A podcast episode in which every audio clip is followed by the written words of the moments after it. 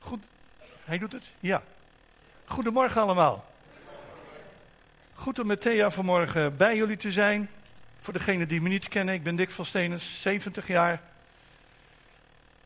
Ehm, ik ben 35 jaar fulltime voorganger geweest, waarvan uh, bijna 17 jaar in Commissie Rotterdam. En nu alweer uh, over twee maanden zes jaar gepensioneerd. Maar dat betekent niet dat ik uh, achter de graniums ga zitten. Ik heb uh, toen verteld dat ik een hartstilstand gehad heb. En ze zijn meer dan een half uur bezig geweest met te reanimeren. En ik sta hier levend en wel. Dan ga je toch niet achter de granium zitten. Over die Heer ga je dan praten zoveel als je wil. En dat doe ik nog steeds. Al meer dan 5000 keer heb ik gesproken over het evangelie en over Jezus Christus. Ik vind het voorrecht om uh, vandaag bij jullie te zijn. Zou je de presentatie willen opstarten? Juist. We leven in de tijd voor Pasen, de 40 dagen tijd. Wordt veel gesproken over de dood van Jezus en ook over wat onszelf betreft. Jarenlang is door iedereen allemaal heel hard gezegd: dood is dood. En het leek wel of men dat zo vaak wilde zeggen ze het zelf gingen geloven. Alleen het is wel waar, ieder mens sterft een keertje, maar ik vind toch dat niet iedereen leeft. Want er zijn mensen die lopen op twee benen rond, maar dan heb je het gehad ook. Want leven is wat anders. En dat hebben wij met elkaar gewoon ontdekt.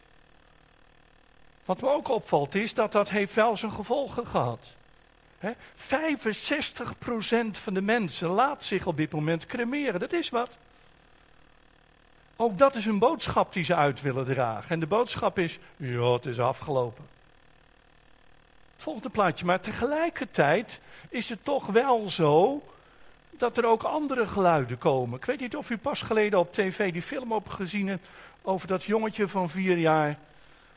Wat in de hemel allerlei dingen heeft mogen zien. Een cardioloog, Pim van Lommel, heeft een zeer interessant boek geschreven, Eindeloos Bewustzijn. Dat gaat er dus over, is het wel zo dat dood dood is? Of zijn er ook allerlei andere dingen? En daarin schrijft hij over allerlei bijna dood ervaringen. En de vraag die mij ook altijd gesteld wordt is, heb je wat gezien? Nee, blijkbaar had ik dat niet nodig. He? Maar er zijn heel veel mensen die bijna doodervaringen hebben gehad. En dat zorgt er toch voor dat iedereen zegt: Is dat nou wel alles? Het volgende plaatje. Want het belangrijke is: wat gebeurt er na het sterven? Ja, daar zijn we eigenlijk toch allemaal wel een beetje benieuwd naar. En als iemand waar je van houdt sterft, dan helemaal: wat gebeurt er met mijn geliefde? En het zijn goede vragen. Alleen we moeten oppassen met elkaar dat we boeken niet boven de Bijbel stellen. Ik hou van boeken lezen, dat doe ik mijn hele leven lang al bijna. Maar ik wil altijd goed in de gaten houden wat zegt de Bijbel en wat zijn verhalen van mensen.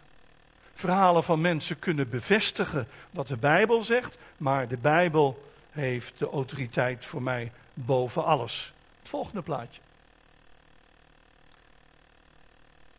Dat iedereen toch wel meer rekening houdt dat er wat is tussen hemel en aarde, dat zie je soms bij voetballers.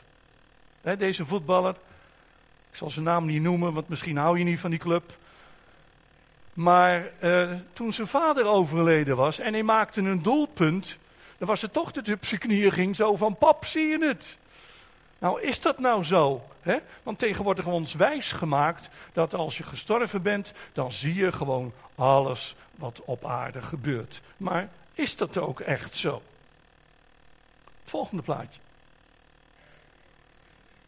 Een hele belangrijke vraag is, ik ga eerst maar eens wat vragen stellen om je wat te prikkelen. Zullen we elkaar herkennen als we niet meer op deze aarde zijn? Of is het dan zo dat we allemaal, ja, we zijn allemaal hetzelfde. Hè? En uh, oude herinneringen zijn er gewoon niet meer. Nou, door de loop van de eeuwen heeft de mens daar heel veel vragen over gesteld. En ik heb het altijd ongelooflijk interessant gevonden. Want als christenen is natuurlijk ook de vraag: als wij sterven, we gaan naar de hemel. Maar is dat nou het eindpunt? Is de bedoeling dat we altijd in de hemel blijven? Is het zo als we sterven, we doen in de hemel niks anders meer? Hier duurt een aanbiddingslied soms lang, vinden sommigen, maar daar is één aanbiddingsdienst. Is dat zo? Is dat zo of zijn dat toch wat menselijke ideeën? Nou, volgende plaatje. Dus de vragen zijn van wat is de hemel? En als er dan een hemel is, waar is die hemel dan? Nou, daar wil ik het nou vanmorgen, het volgende plaatje, met elkaar gewoon eens over hebben. Waar is de hemel toch? En ik wil graag wat lezen uit Filippenzen 1. Filippenzen 1 vanaf vers 21.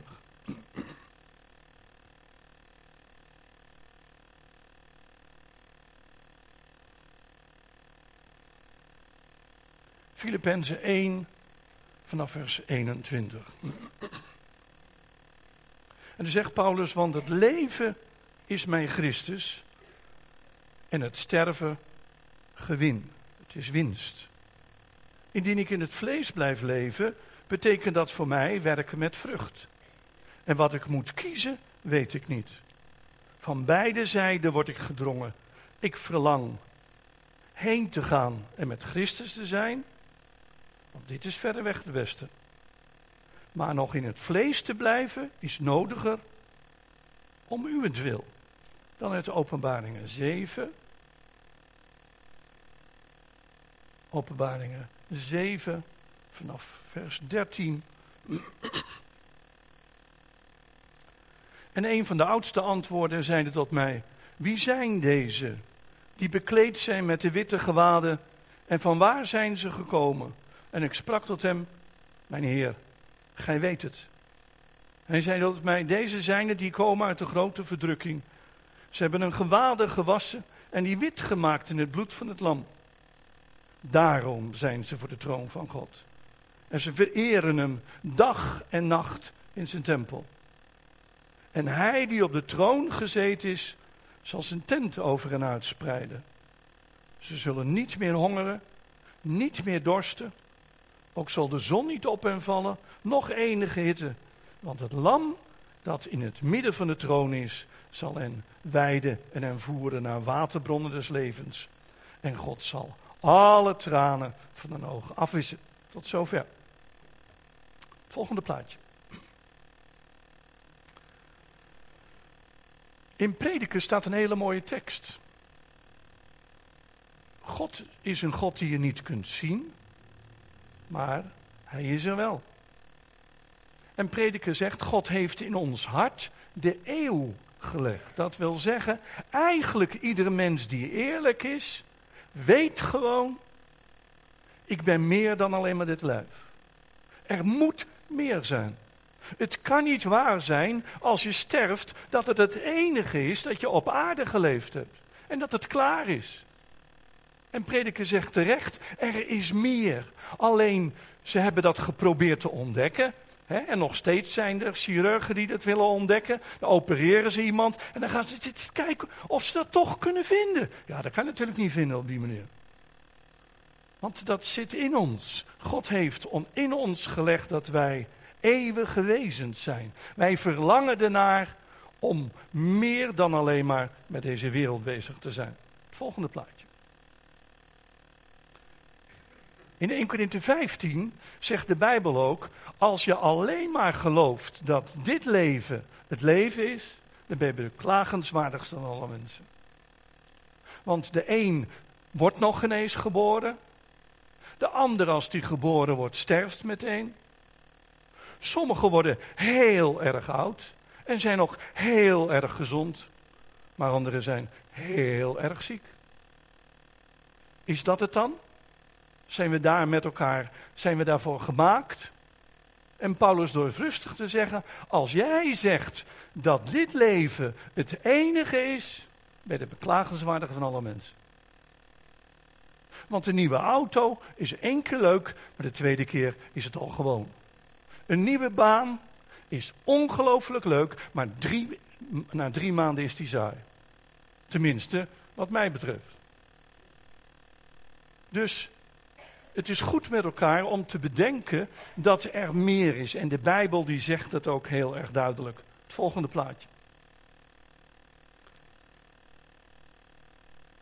Er was een keer een vader die moest met zijn kindje erover praten dat oma overleden was.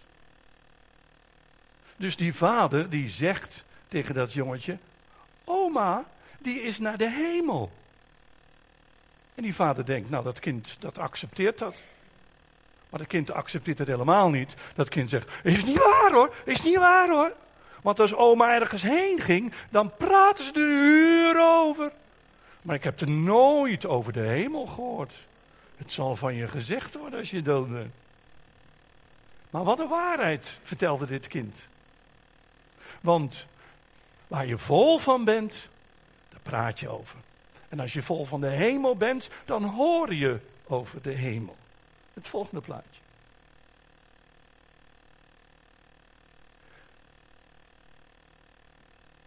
Ik wil het opnieuw benadrukken. De Bijbel is voor ons de waarheid. ik, eh, ik hou van boeken lezen. Zijn ongelooflijk interessante boeken. En het boek wat ik al zei over die van die cardioloog is echt ongelooflijk interessant. Maar, ik ga jullie vanmorgen geen verhalen vertellen die mensen verteld hebben. Want wat de Bijbel zegt over de hemel, dat wil ik weten. Want dat is de waarheid. En alle andere dingen zeg ik, ja, dat is leuk. Interessant de moeite waard. En dat is die film over dat kind van vier jaar, wat, uh, wat uh, allerlei dingen vertelde over uh, een zusje, wat hij nooit gezien had, maar wat hij dan, toen hij in de hemel was, dat, dat gezien heeft. dat zegt hij tegen zijn moeder, terwijl die moeder genees wist dat het een, een meisje was. Ja, leuk. Maar ik denk dat de Bijbel zegt wat wij nodig hebben. Wij willen, dat heb ik ook, je wil graag iets meer weten. Ook zou ik graag willen weten wat er voor Genesis gebeurd is. Toch doet de Bijbel dat niet. Blijkbaar is dat niet nodig. Dus het is goed met elkaar vanmorgen ook te kijken, wat zegt de Bijbel. Dat is het richtsnoer. Kijk, als je met vakantie gaat, wij zijn vorig jaar uh, uh, naar Madeira geweest. Echt geweldig eiland. Maar wat doe je voordat je daarheen gaat? Ik weet wel waar ik heen ga hoor. Want dan koop je een boek en dan ga je plaatjes bekijken. En het wordt een bloemeneiland genoemd. En ik hoorde allerlei dingen wat mensen erover zeggen. Denk ik, dat is geweldig. Dus je wil informatie hebben. Nou, het hele gekke is, heel veel mensen zijn op reis naar huis, maar informatie waar ze heen gaan, 0,0. Zijn ze niet in geïnteresseerd. En daarom is het goed met elkaar ook als kinderen van God. Uh, met elkaar goed te beseffen. Wat heeft met werkelijk leven te maken. Kijk, er zijn tijden geweest dat iedereen alleen met de hemel was. En nou moet je oppassen dat iedereen alleen maar met de aarde bezig is. Alsof dat het enige is. Volgende plaatje. De Bijbel begint met in de beginnen schiep God de hemel en de aarde in het Hebreeuws staat, in de beginnen schiep God de hemelen en de aarde. dus eigenlijk wil God ons al duidelijk maken, de aarde is niks zonder de hemel en de hemel en de aarde, die horen ook bij elkaar. En blijkbaar zijn er meer hemelen, want je gaat niet zeggen fietsen als je één fiets hebt. Dus als het Hebreeuws zegt dat er hemelen zijn, dan is dat waar, dat klopt ook. Want je hebt een hemel die je kunt zien. Je kijkt naar de lucht, maar er is ook een wereld die je niet kan zien. En die wordt ook de hemel genoemd. Dat is de wereld waar God is. Dat is de wereld waar de engelen zijn. En die wereld was er al voordat de aarde er überhaupt was. Dus hemel en aarde horen bij elkaar. Ze kunnen niet zonder elkaar. Het volgende plaatje. Nou ga ik iets zeggen wat gek klinkt. De hemel is dichterbij dan je denkt. Want wij hebben op school hebben wij liedjes geleerd hoger dan de blauwe luchten en de sterretjes van goud. Daar woont de Vader in de hemel, die van alle kinderen houdt. He? Hebben jullie dat hier in Limburg ook geleerd? Ja, vast wel. En anders op de kinderdienst. Dus wat leren wij? Als je naar de hemel wil, moet je omhoog. Hoog, hoog, En dat dachten de ruimtevaarders ook toen ze naar de, de maan toe gaan. Ik heb meegemaakt, ik heb het gezien, in 1969, dat de mens het eerst zijn voeten op de maan zette. Maar wat was bij al die ruimtevaarders? We zijn God niet tegengekomen. Ja, dat had ik je van de woorden kunnen zeggen. Want er, is een hemel die je kunt zien en er is een hemel die je niet kunt zien. En dat is de onzichtbare wereld. Maar die is net zo reëel of nog reëler dan wat je met je ogen, met je natuurlijke ogen, wat je kunt zien. Dus met elkaar is het belangrijk te beseffen, de hemel, ja als ik zeg dat die ver weg is bedoel ik, het is van een andere dimensie. Maar hij is niet ver. Want in opwekking staat zelfs een lied. Oh, oh, oh, heaven is in my heart.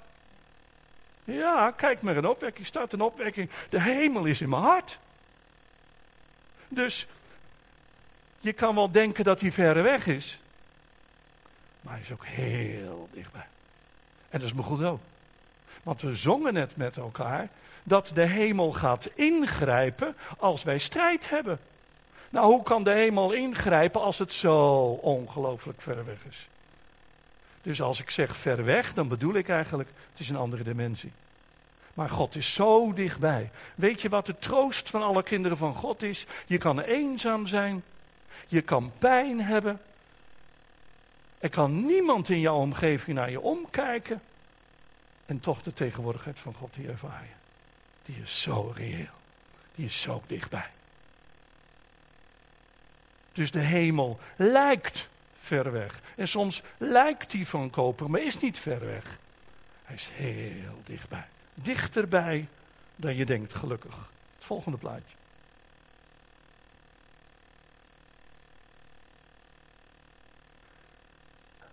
Sommige mensen voelen zich wel eens in de zevende hemel.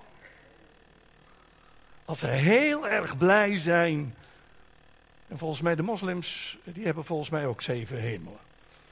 Maar dat, dat weet ik niet helemaal meer zeker. Maar in ieder geval als mensen blij zijn, ik voel me in de zevende hemel. Nou, de Bijbel praat niet over zeven hemelen. Maar Paulus, die zegt in 2 Korinthe 12, dat hij in de derde hemel was. Dus blijkbaar heb je, als je een derde hebt, heb je ook een eerste en een tweede. Nou, dat klopt ook. Maar de derde hemel, uh, Salomo noemt de hemel waar God woont de hemel der hemelen. De hoogste hemel. De belangrijkste hemel. Dat is gewoon het meest supere wat er is. En dat is de derde hemel. Daar woont God. En niemand, en dat vind ik ook het leuke, overal wordt God wel, worden wel vergelijkingen getroffen, maar God kun je gewoon nergens mee vergelijken. Want hij is de allerhoogste. Er zijn heel veel hoge pieten, maar God is de allerhoogste. En zo is het ook dat Paulus zegt, ik heb er al veertien jaar niet over gepraat en doet hij net of het nog iemand anders is. Omdat het zo'n belevenis is. Hij zegt, ik ben opgetrokken tot in de derde hemel. En die heeft dingen gezien en gehoord, die schreef hij niet in een boek. Zelfs niet in de Bijbel. tegenwoordig willen we alles opschrijven. Maar hij mocht het niet.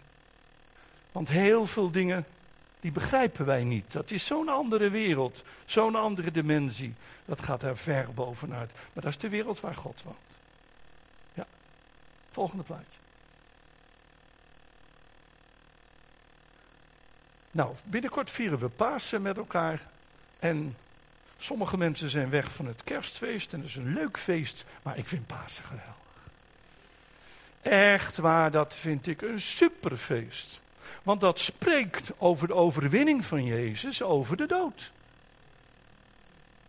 En toen hij aan het kruis ging en het uitriep, het is volbracht, was het niet alleen dat hij de prijs voor mijn zonde heeft betaald. Kijk, stel je voor dat jij een schuld hebt van 20.000 euro. En je buurman betaalt die 20.000 euro. Kun je dan naar de bakker gaan? Nee. Want als je een schuld van 20.000 euro had en die 20.000 euro wordt door je buurman betaald, heb je niks. Ik kan wel bij de, bij de bakker komen en zeggen, ja, mijn buurman heeft me 20.000 euro uh, kwijtgescholden. Dan zegt die bakker, en? 2 euro alstublieft meneer. Of als het een duur brood is, 3 euro meneer.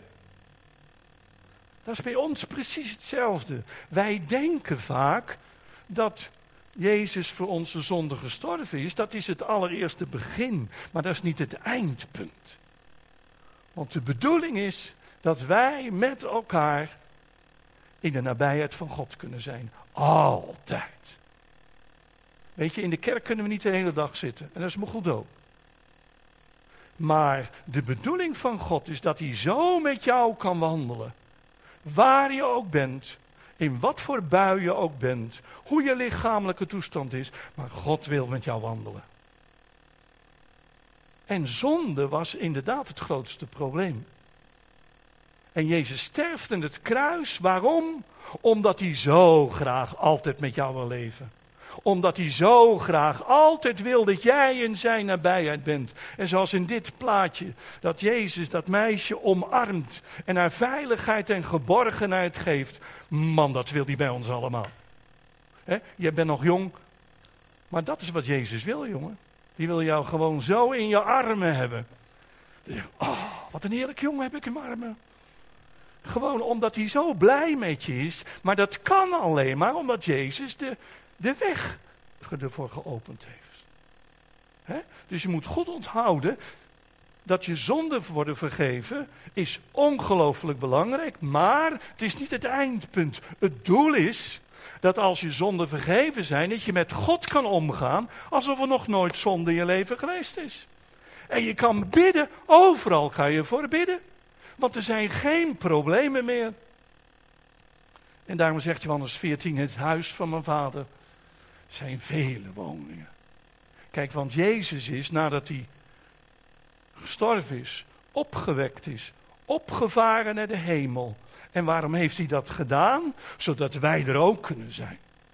Want de bedoeling is niet dat we alleen maar die hemel zien als een verre wereld, maar dat de hemel zo dichtbij komt dat jij bent in de hemel en de hemel is in jou. En dat kan door het werk wat Jezus op kruis van Golgotha gedaan heeft. volgende plaatje. Nou, als ik aan mensen zou vragen, wat is voor jou nou de hemel? Ja, dan blijven ze vaak met de mond vol tanden. Nou, ik heb er gewoon eens over nagedacht. Wat zijn dingen die je op grond van de Bijbel, niet op grond van visioenen en dromen en boeken van mensen, maar op grond van de Bijbel. Wat is nou het meest kenmerkende van de hemel? Wat is het meest kenmerkende van? Nou, ik ga gewoon eens een aantal dingen noemen. Waardoor het super is. Je denkt, oh, dat zou ik wel willen zijn. Ho, ho, ho. Voor de meesten is het nog niet zo ver.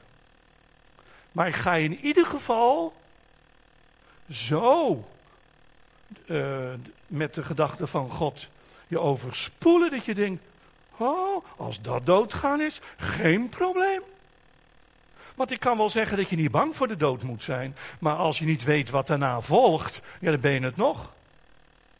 Als een kind bang is voor een slang, dan kan je makkelijk zeggen, je hoeft niet bang te zijn voor die slang. Ja, ja, makkelijk praten, maar daarna, en dat is bij ons precies hetzelfde. Weet je, wij proberen altijd het negatieve.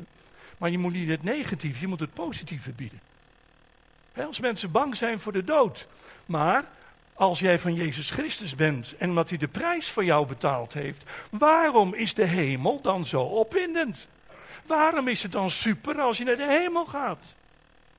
Nou, het eerste is, we zullen de Vader leren kennen. Jongen, jongen, dat zal me toch wat zijn. Nou hebben jullie in Limburg hier allemaal geweldige vaders, dus voor jullie is het al eenvoudiger om God als vader te leren kennen. Maar jongens, dat gaat wat worden hoor. Dat als wij sterven en we leggen ons lichaam af, En we zullen de Vader zien. Weet je, nu is dat de kracht van mijn leven. Dat is waar ik mijn energie vandaan haal. Dat is waar ik mijn bemoediging vandaan haal. Het feit dat God mijn vader is. Maar het lijkt mij het meest opwindende moment om hem te zien.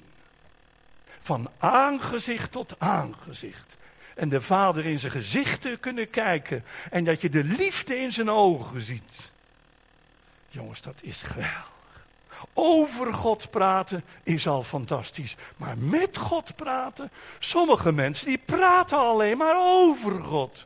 En dat zijn dan de hoogleraren. Maar je moet niet over God praten, je moet met hem praten. Want met God praten, dat is fantastisch. En dan is het nu, als ik bid, dat iemand kan zeggen, nou, Dirk Versteen is een gekke man hoor. Die zit te praten tegen iemand die die niet ziet. Ja, met mijn natuurlijke ogen niet. Maar er komt een moment dat als ik sterf en werkelijk definitief uh, naar de hemel toe ga, jongens, de Vader zien. De Vader, volmaakte Vader, die zoveel van je houdt. Van aangezicht tot aangezicht. Volgende plaatje. We zullen Jezus zien. Is dat niet een prachtig plaatje? Ja, jullie weten, ik spaar mooie plaatjes. Waarom? Ja, dit zegt voor mij alles. Dit is het gewoon. Oma, geen probleem als je sterft. Als je van Jezus bent. We zullen Jezus. We praten over Jezus en op de kinderdienst horen we geweldige verhalen over Jezus. En we hebben de kinderbijbel gelezen. Maar als je Jezus in het echt ziet, nou verliefd zijn, dat konden jullie al goed, maar dan ben je echt verkocht hoor. Want als je Jezus ziet, als je die ogen ziet, gewoon hoe die met je omgaat, en zelfs met oude oma's, ja, dan ben je toch verkocht. Kinderen, jongens, ik vind kinderen, kleine kinderen gewoon geweldig. Dat is super, dat wordt, dat wordt nooit gewoon. Maar oma's aankijken. Jezus houdt ervan om oma's aan te kijken. Want daar, daar, heeft hij zijn liefde voor uitgestort. Daar is hij voor in het kruis gegaan. En die oude oma's hebben stand gehouden. Terwijl ze een moeilijk leven achter de rug hebben. Super jongens. Jezus in zijn gezicht kijken. Lijkt jou dat wat? Gelukkig een paar. Maar we zijn nog niet klaar. Het komt wel goed. Het volgende plaatje. in de hemel is absolute heiligheid. Is dat niet mooi? In een klimaat te zijn waar alles heilig is. Openbaringen zegt, is geen plaats voor lafhartigen. Dus laffe mensen worden er niet gevonden. Geen plaats voor ongelovigen. Geen plaats voor hoereerders. Geen plaats voor tovenaars. Geen plaats voor moordenaars. Geen plaats voor leugenaars. Je kan de politie afschaffen. Die worden niet in de hemel gevonden hoor. Is dat niet geweldig? Weet je, wij zingen vaak over de heiligheid van God, maar we weten geen eens wat het inhoudt. Want de heiligheid van God is niet alleen maar dat ik niet zondig, dat is ons hoogste doel. Als je een dag niet gezondigd hebt, dan ben je een hele Piet. Maar heiligheid is niet dat je een hele dag niet gezondigd hebt. Heiligheid is veel meer. Heiligheid is niet alleen niet zondigen. Heiligheid is dat je gewoon van zo'n andere categorie bent. Je verlangens liggen op een heel ander terrein. Je hoeft jezelf niet onder pressie te zetten. Oh, ik mag niet kijken hoor. Ik mag niet zondigen. Jo, je mag alles, maar daar heb je gewoon geen zin in. En in de hemel is dat. Jongens, het lijkt me geweldig om in de hemel de heiligheid van God en van Jezus Christus en van de Heilige Geest te ervaren. Jongen, jongen, wat een klimaat. Daar wil je gewoon niet meer weg. Het volgende plaatje.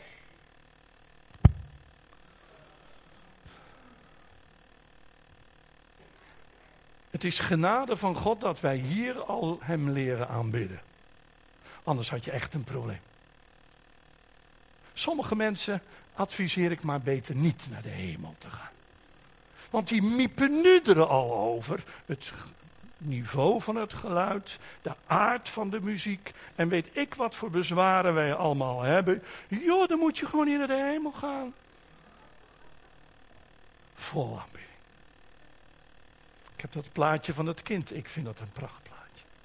Zo kan alleen maar een kind het hoor. Want volwassenen zijn zich zo bewust van zichzelf. Maar een kind is zich niet bewust van zichzelf. Die doet gewoon. En daar te zijn in de hemel, waar volmaakte aanbidding is. En waarom kunnen ze volmaakt aanbidden? Het gaat niet over jou, het gaat niet over mij, maar het gaat altijd over Jezus. Dat is de kern. We hebben net gelezen in Openbaringen 7 dat het lam in het midden van de troon is. Hij is het centrum. En tot in openbaringen lees je overal dat het lam dat geslacht is, is waardig te ontvangen. Jongens, God aanbidden, Hem prijzen. Laat ik het hier maar leren. Wat is in de hemel ook de voetjes van de vloer gaan, dan wil ik wel meedoen. Want de charismatische hop, man, dat is voor oude mannen. Maar wat daar voor vreugde en voor blijdschap is. Je hoeft echt niet meer naar de disco hoor. Want de beste disco is in de hemel. Volgende plaatje. Wat is nou in de hemel wat heel gewoon is? Dat je luistert, dat je gehoorzaamt. De engelen luisteren naar de klank van zijn stem. De engelen zijn er altijd mee bezig. Heer, wat wilt u dat ik doen zal? Wat is Paulus? Wat zeggen anderen als ze God ontmoeten? Wat wilt u dat ik doen zal? Wat wordt onze instelling? Gehoorzaam zijn. En waar leren we dat? Leren we dat in de hemel? Heel veel mensen denken dat je een zendeling wordt door op het vliegtuig te stappen. Maar je wordt geen zendeling door op het vliegtuig te stappen. Zendeling ben je hier. En als je het hier bent, dan word je soms door God geroepen om ook naar allerlei andere plaatsen te gaan. En dus met aanbidding is dat precies hetzelfde. Ik leer niet in de hemel aanbidden, dat doe ik hier. Dat is waardoor ik zo de vol van ben. Als ik er kom, dan denk ik, jongen, jongen, het is nog duizend miljoen keer zoveel als een schinnen. En het is al heel leuk om hier te zijn. Echt waar. En ik overdrijf niet hoor, want Thea die weet dat. Toen ik het geheim van aanbidding ontdekt heb. Jongens, ik had nog nooit gedanst. Want in de kerk waar ik was, daar werd niet gedanst. Daar moest eerst een kerkenraad belegd worden. En daar hebben ze weken over vergaderd. Of wij als jonge lui wel mochten dansen. En wat gebeurt er? Dick van Steenens wordt aangeraakt door de Heer. En Dick van Steenens die begint aan God te. Wie had het ooit kunnen bedenken? Ja, ik ben God gewoon dankbaar dat ik het hier al leer. Want anders dan, oh jongens, allemaal houten klaarzen in de hemel. volgende plaatje. We zijn altijd bezig om God te gehoorzamen. Nog meer. Weet je, de Vader, de Zoon en de Heilige Geest, dat is geen theologische constructie. Maar dat wil zeggen dat de Vader, de Zoon en de Heilige Geest, die houden zoveel van elkaar. Ze kunnen niet zonder elkaar. Ze vullen elkaar aan. Ze bemoedigen elkaar. Ze prijzen elkaar. Ze geven elkaar alle ruimte. En weet je wat zo mooi is? Die drie-eenheid, die blijft geen drie-eenheid. Want de Vader en de Zoon en de Heilige Geest, die houden zoveel van elkaar. En dan zegt hij, kom jij er maar bij, jongen. Wij hebben het zo goed met elkaar, jij past er helemaal bij. En wat gebeurt er? Je mag erbij komen. Het is al een vier-eenheid. En oh, als ze jou zien, zeggen, kom erbij man. Kom erbij man. Hoe oud ben je trouwens nou?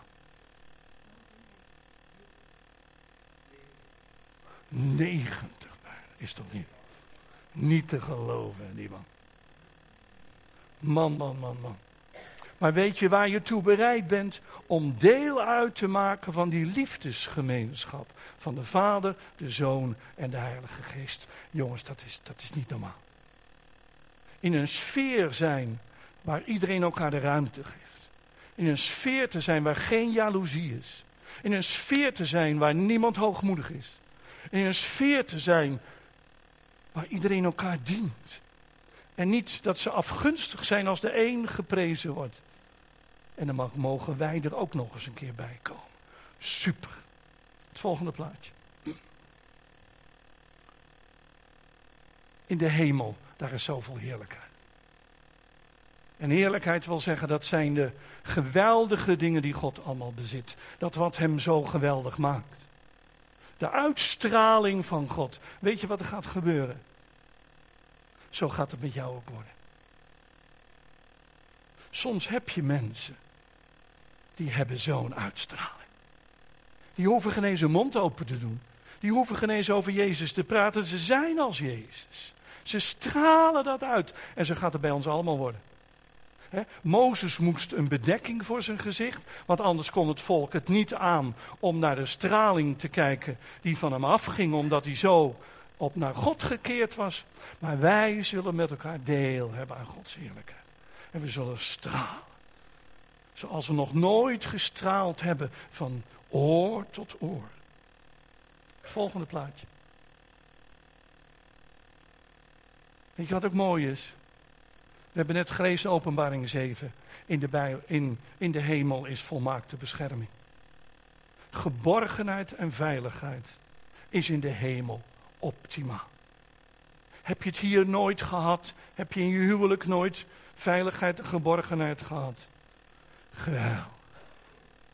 Want in de hemel, daar is zo'n sfeer van veiligheid en geborgenheid. Dat kan gewoon niet beter. Hij zal zijn tent over ons uitspreiden. En een andere mooie tekst. De eeuwige God zal onze woning zijn. En onder ons zijn eeuwige armen. Wat een veiligheid. Dat wil God jou geven. En nou snap je ook waarom de Bijbel zegt, Romeinen 8 zegt, hier op deze aarde hebben we deel aan het lijden. Is dat zo ook voor kinderen van God? Sommige mensen geloven gewoon niet dat een kind van God ook lijden meemaakt. Die denken dat het altijd is, altijd feest, altijd goed. Dat is niet waar.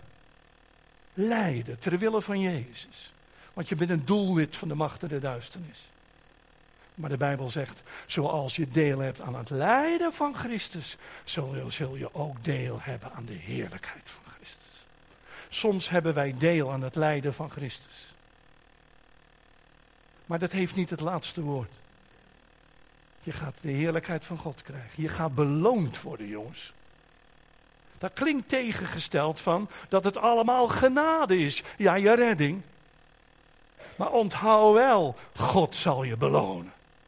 Al je overgave, al je inzet, overal waar je mee bezig geweest bent. Dat je je zo ingezet hebt voor de kerk, wat niemand gezien heeft. Maar God zal je belonen. En hij zal je volmaakt beschermen. En wat doet hij ook? Henoch. Waarom is Henoch zo jong, naar verhouding jong, gestorven? He, 365. Is jong, voor die tijd jong. He, Methuselem werd 969, dus dan is 365 jong. Maar waarom stierf hij al? Een apokriefboek Wijsheid zegt heel erg mooi: God heeft hem in veiligheid gebracht. En het heeft mij een andere gedachte over sterven gegeven. Wat dacht u ook in onze gemeente in Rotterdam niet alleen oudere mensen sterven, maar ook wel eens mensen op een leeftijd dat ik zeg: moet dat nou? Maar weet je dat ik het zo'n troostvolle gedachte vind? God overziet alle dingen. Hij weet alle dingen. En soms is het veiligheid, soms is het de bescherming dat hij jou wegneemt. En dat je bij hem mag zijn. Eens en voor altijd. Zodat je nooit meer kan afvallen. Zodat je nooit meer door de duivel overmeesterd kan worden. Maar je bent veilig in de geweldige armen van God. Veiligheid. Sterven is niet alleen maar, oh. Sterven is winst, zegt Paulus. Als ik dat ga weten en dat ga ervaren, dan komt het goed. Het volgende plaatje. Nou, wij leven in een tijd, ik weet niet hoe het hier in Limburg is. Wij wonen nu in Zwijndrecht, sinds vijf jaar. Maar soms komen wij in Rotterdam. Maar die onrust, die, die, die verleer je gauw. Want als ik in Rotterdam ben, daar een fietser, daar een fietser, daar een voetganger die zomaar oversteekt. Alle verkeersregels wordt niet aan voldaan. En daar moet ik ongelooflijk aan wennen. Wat een onrust. Ik weet niet hoe het hier bij jullie is, maar ik zie dat bij die jonge mensen bij hun baan. Alle dagen heel druk. Echt waar. Onze dochter werkt bij het onderwijs. Ze zegt, pap, die kinderen vind ik aardig, maar de rest niet. Want zelfs s'avonds laat kunnen ze je mailen met de rotste dingen. En dan moet je nog antwoorden ook. Onrust. Maar weet je wat geweldig is? De Bijbel zegt in openbaringen, wij zullen rusten van onze werk. Sommige mensen zijn al begonnen, maar je moet niet voortijdig beginnen. Het is dat je moet leren leven in de rust van God. En als je leert leven in de rust van God, dan kunnen de omstandigheden onrustig zijn, maar jij bent rustig. Maar in de hemel, jongens, daar is geen zweep hoor. In de hemel wordt je niet achterna gezeten wat je allemaal nog moet doen. Het volgende plaatje. We zijn welkom in het huis van de Vader. Ja, een warm welkom. Weet je dat het zo fijn is als je een thuis hebt? Mensen die een moeilijk leven hebben, die weten dat. Als je kunt zeggen, ik ga naar huis toe. Want er is iemand die op je wacht. Weet je wat ik het meest waardeloos vond toen mijn eerste vrouw overleden? Dat ik in een leeg huis kwam. Dat er niemand was. Ik ben nu al bijna weer twintig jaar met Thea getrouwd. Maar het is zo fantastisch. Als je thuis komt, wordt op je gewacht. Je bent welkom. Weet je, en dat is bij jullie precies hetzelfde. Als je sterft, de vader staat met wijde armen. Staat hij klaar om jou te ontvangen? En hij zegt welkom thuis. Een warm welkom. Intieme liefde, aanvaarding. Thuis mag je uitrusten. Thuis is familie. Weet je dat ik het geweldig vind?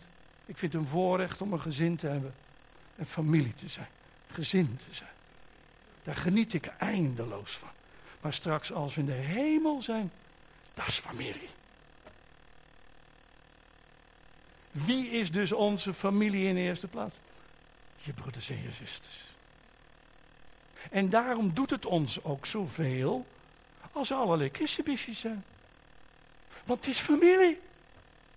Kijk, dat een buurman vervelend wordt, dat is nog daar natuurlijk. Je woont niet in hetzelfde huis. Maar familie, wij zijn familie. Wij horen bij elkaar. Het huis van de Vader. Het volgende plaatje. Nou, een hele persoonlijke vraag aan jou. Stel je voor dat vandaag de dag is dat jij dat je sterft. Stel je voor. Dat zeg je niet om je bang te maken. Het zou kunnen. Ik zou vandaag naar, naar de Heer kunnen gaan. Ik heb bijna zes jaar extra gekregen, dus wat dat betreft geen probleem hoor. Ik zal niet mopperen. Zou jij je er thuis voelen? Nou, wat ik allemaal gezegd heb, dat is nog maar een klein beetje, jongens. Maar zou jij er thuis voelen? Dan zeg je, nou, ik blijf maar liever bij mijn BMW. Nee. Het volgende plaatje. We hebben erover gehad, en dan gaan we zo uh, stoppen. We hebben erover gehad wat er, wat er wel is, maar het is ook leuk om te weten wat er niet is. Wat is er allemaal niet? Geen ziekte. Dokters onder ons, het spijt me voor je. Op hoogst kan je net als Lucas worden, je gaat erover schrijven. Maar geen dokters meer nodig, geen ziekte. Jongen, jongen. Is dat niet geweldig? Verlang jij niet naar zo'n wereld? Ik wel. Dood niet meer. Begrafenisondernemingen, afschaffen die op. Niet meer nodig. Dood. Het afschuwelijkste in dit leven. De dood. Het zal er niet meer zijn. Geen verdriet. Ik weet niet of we van vreugde tranen we die zullen uh, naar voren brengen, dat weet ik niet. Maar in ieder geval willen we geen verdriet meer hebben. Je hebt geen zakdoeken meer nodig wat dat betreft. Want de Heer zal je troosten, staat er. Alle tranen van je ogen afwissen. En God komt met zijn grote zakdoek. En die wist alle tranen uit. En weet je waar ik zo blij mee ben? Mensen die een moeilijk leven hier op aarde hebben gehad. God wist het uit je geheugen. Je hoeft er niets meer aan te denken. Heb je een moeilijke jeugd gehad? God wil al beginnen om je nu te genezen en te herstellen. Zodat je hele leven niet alleen maar moeilijkheden is. Maar we gaan nog een stapje verder. God zal je zo totaal genezen dat als je bij Hem bent, daar wordt niet meer aan gedacht. Psychologen zijn niet meer nodig. Je hoeft er geen vijf dagen meer over te praten. Je hoeft er geen drie jaar meer over te praten. Het zit er gewoon niet meer in. Is dat niet geweldig, jongens? Hoe vaak vergallen moeilijke dingen in ons leven, vergallen ons plezier niet. Is er niet meer. Geen zonde en geen armoede. Jongen, jongen, een wereld waar geen zonde meer is. En waar niemand meer arm is. Waar we allemaal overvloed hebben. Dat is de wereld waar je voor bestemd bent hoor. Echt waar. Of je het gelooft of niet. Volgende plaatje.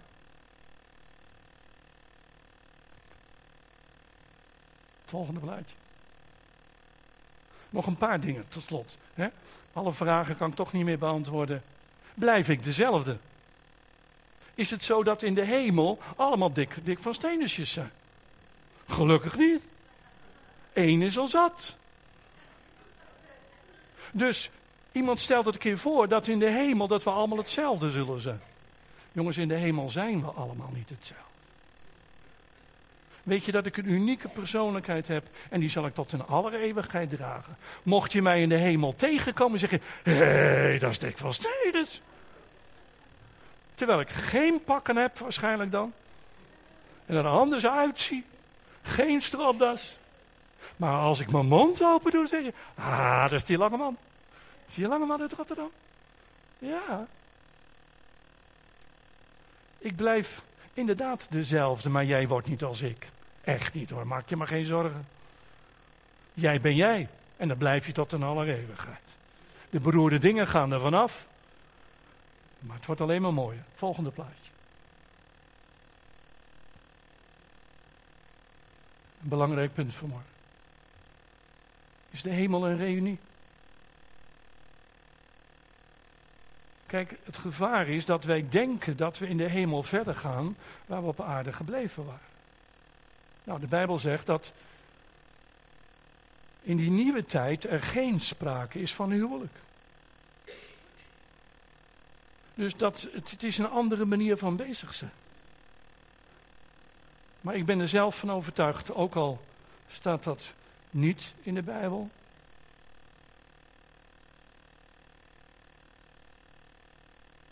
Maar denk je dat God alles met verdriet laat eindigen? Ik denk het niet. Ik denk dat in, en daar kan ik een aantal teksten ook voor aanhalen. Ik denk in de hemel dat er een bepaalde vorm van herkenning is. David zegt bijvoorbeeld ook: Mijn zoon is wel overleden, hij komt niet tot mij, maar ik zal wel tot hem gaan. Dus op een bepaalde manier is er een reunie in de hemel. En zou het niet geweldig zijn? Als moeders die een miskraam hebben gehad. Zou het niet geweldig zijn als moeders en vaders, want de vaders wordt er vaak niet bij genoemd. Maar moeders en vaders, een kind wat ze kwijt zijn geraakt, wat gestorven is. En je komt in de hemel. En dan komt er daar een blits van een gozer naar je toe. En het is jouw zoon. Zou dat kunnen? Ik denk het wel. Want God vertroost, God bemoedigt in allerlei dingen. Zelfs de onvoldragen vrucht in je buik. Denk maar niet dat jouw onvoldragen vrucht altijd een onvoldragen vrucht zal blijven. Want leven is ontwikkeling. En het zal ontwikkelen tot een man en een vrouw van God. Want een baby is niet, is niet ontstaan om voor eeuwig een vrucht te blijven. Maar het is ontstaan om een mens te worden. God is zoveel van plan. Volgende.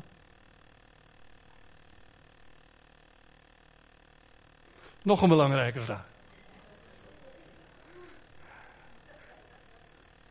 Misschien zijn er hierbij die denken: ik ga toch maar liever niet naar de hemel. Want stel je voor dat mijn ex in de hemel is. Ja, dat bepaal ik niet. En jij ook niet, gelukkig. Dat bepaalt God. Dus als je zegt, als mijn ex in de is, ga ik niet. Dat zegt niet wat over je ex, dat zegt wat over jou. Want jij denkt dat God partij kiest. Jij denkt dat het voor de een tegen de ander is. Wie zegt dat? Misschien zijn er nog dingen die moeten genezen in ons hart. Want als ik nog steeds zo denk over mijn ex, ben ik niet genezen. Volgende plaatje. Nog een belangrijk. Als ik dingen noem, zijn dat praktische voorbeelden. Vergeet nooit dat wij samen een weekend moesten leiden voor alleengaande mensen. En ik kwam een vrouw naar ons toe. En die zei, Dick en Thea, wij zitten er ongelooflijk mee. Mijn zoon heeft zelfmoord gepleegd. Waar is mijn zoon? Zal ik hem in de hemel weer terugzien? Wat een moeilijke vraag. Ik ben God niet. Ik kan dat niet bepalen. Ik weet dat niet. Ik geloof niet dat je kunt zeggen wat wel eens een prediker gezegd heeft. Zelfmoord is een enkele reis naar de hel. Ik vind een erg vergaande uitspraak. Maar ik bepaal niet of mensen in de hemel komen of niet. God is dat. Maar één ding weet ik zeker. Ik ga er ook geen oordeel over geven. Dat heb ik toen ook niet gedaan. Ik heb gezegd, God is rechtvaardig. God weet alle dingen. God is genadig. Weet je, er is vaak zo makkelijk geoordeeld over mensen die zelfmoord hebben gepleegd. Maar wij weten niet de nood die in hun hart was. Wij weten niet wat er van binnenaf gespeeld heeft. Ik kan me die vraag voorstellen. Maar weet je wat ik moet leren? Loslaten. Wij moeten allemaal leren, ik heb het wel eens vaker ook hier gezegd. Wij moeten leren gestorven geliefde aan God over te geven. Tot slot, ga maar even naar het laatste plaatje. Dat is dan te laat, even verder. Thea en ik zijn in de Filipijnen geweest. En daar hebben ze van die jeepneys, zo noem je dat. En het zijn van die bussen. En daar zitten geen 50 man in. 100, 200. Ze zitten bovenop, ze hangen eraan. Niet te geloven allemaal. En ik vond dit zo'n leuk plaatje. Toen dacht ik, in de jeep bij Jezus wil ik wel zitten. Op reis naar huis. Dank u weer. Dat we vanmiddag een heel, vanmorgen een klein beetje mogen zien van wat de Bijbel zegt over de hemel. Heilige Geest, wilt u onze ogen er verder voor openen. Heer, wilt u laten zien de heerlijkheid daarvan. Vergeef ons, Heer, dat we zo bezig zijn met de dingen van deze aarde, dat we niet beseffen dat er veel meer is. Open onze ogen. Heer, ik bid u voor mensen die met verdriet in hun hart dit moeten aanhoren. Maar het is niet om ons verdrietig te maken, maar ons vol hoop te maken. Vol blijdschap te maken. Dwars door alle tranen heen te weten, ik heb een geweldige toekomst. En dan is de hemel zelfs nog niet het einde. Want er komt een nieuwe hemel en een nieuwe aarde. Heer, ik bid u voor deze kostbare mensen. Jonge mensen, ouderen. Mensen van middelbare leeftijd. Mensen die veel hebben meegemaakt. En mensen die nog niet zoveel hebben meegemaakt. Maar u belooft dat als we lijden, dat we ook delen zullen in uw heerlijkheid. Dat hij alle tranen van onze ogen zal afwissen. Heer, open de hemel voor ons. Help ons, Heer, om voorzichtig te zijn met alle mooie verhalen uit boeken. Wat anderen zien en dromen. Heer, maar leer ons te buigen voor de Bijbel en te zeggen. Als het alleen al waar is wat de Bijbel erover zegt, is het meer dan de moeite waard. Heer, ik verlang daar dat alle mannen en vrouwen in deze kerk, dat ze behouden worden. En ik verlang naar dat alle mensen in deze kerk in de jeepney bij Jezus zitten. Op reis naar huis. En als vandaag de tijd gekomen is, morgen of overmorgen, dat ze zeggen, Heer, hier ben ik, ik kom eraan. Jonge mensen, ik snap dat je eerst carrière wil maken. Ik snap dat je eerst een mooi huis wil hebben. Ik snap dat je eerst een leuke vrouw of man met kindertjes wil hebben. Ik snap het allemaal. Ik bepaal je leven niet en jij ook niet. Zorg dat je bereid bent. Je hoeft niet bang voor de dood te zijn. Leef. Ik heb gezegd, ieder mens sterft, maar niet ieder mens leeft. Ik wil dat jullie leven. Door de geweldige genade van God. Heer, gaat hij op dit moment de rijen door. Er zijn mensen die met een diep verdriet zitten. Heer, u heeft niet voor niets in mijn hart gelegd om hierover te spreken vanmorgen. Raak ze aan, Heer. Raak ze aan vanmorgen. En wil je alle tranen van hun ogen wissen. Heer, ik bid u voor mensen die nog nooit een keuze voor Jezus hebben gemaakt. Zijn er vanmorgen hier mensen in deze zaal die nog nooit voor Jezus hebben gekozen? En het graag zouden willen. Dan mag je hand opsteken. Wat we graag voor je bidden. Is er iemand die nog nooit zijn leven aan Jezus heeft gegeven? Allemaal je leven aan Jezus gegeven. Als er iemand is die dat nog niet, steek je vinger op. We willen graag voor je bidden. Is er iemand? Als je het niet durft waar anderen bij zijn, kom naar afloop. Als je met dit soort dingen zit, je twijfelt. Je bent geen grote schurk als je twijfelt. Er zijn hier ook mensen die hebben een ongelooflijk zwaar leven achter de rug. Maar God ziet het en God weet het. En God zal nooit net doen alsof het niet gebeurd is. Je bent vanmorgen kandidaat voor genezing.